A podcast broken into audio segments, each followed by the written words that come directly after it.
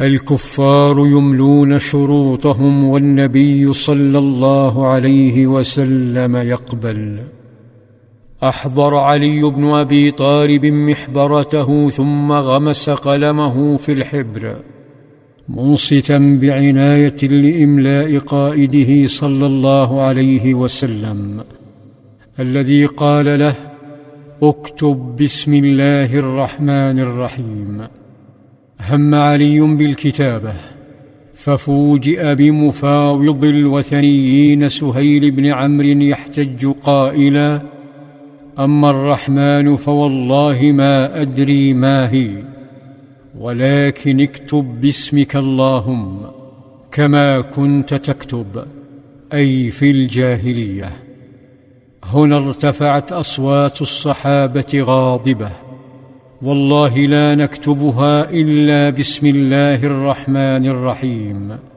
أنصت القائد صلى الله عليه وسلم للطرفين وبين عينيه مصلحة ومكتسبات شعبه ودولته ودعوته بين عينيه مستقبل يزينه التوحيد. أنصت وكأنه يرى أفول الوثنية. ثم حسم الأمر بهدوء فقال لعلي اكتب باسمك اللهم.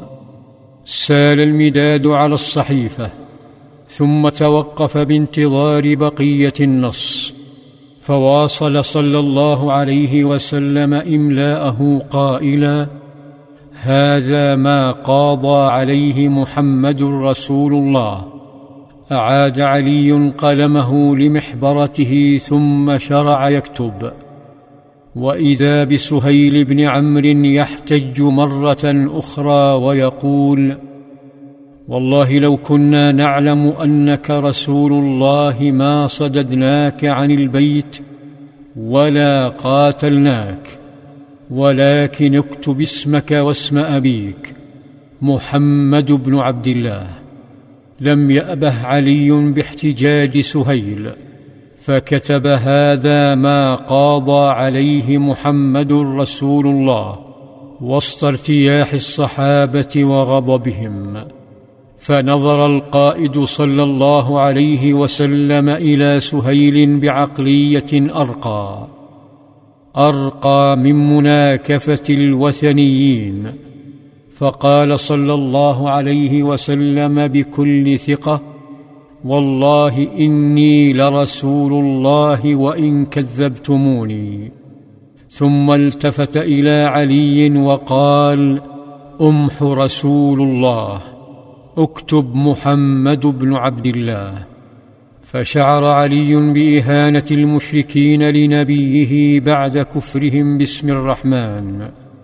ففقد التحكم بغضبه وقال لنبيه لا والله لا أمحوك أبدا لم يجف الحبر بعد فمد القائد صلى الله عليه وسلم يده للصحيفة وتناولها برفق من علي وهو لا يحسن يكتب ثم قال له فأرنيه.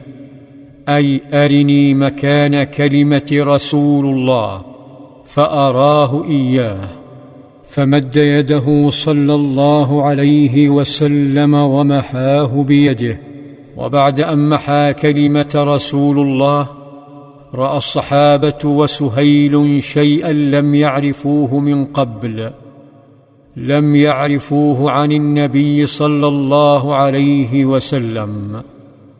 الجميع يعرف أنه صلى الله عليه وسلم لا يعرف القراءة ولا الكتابة.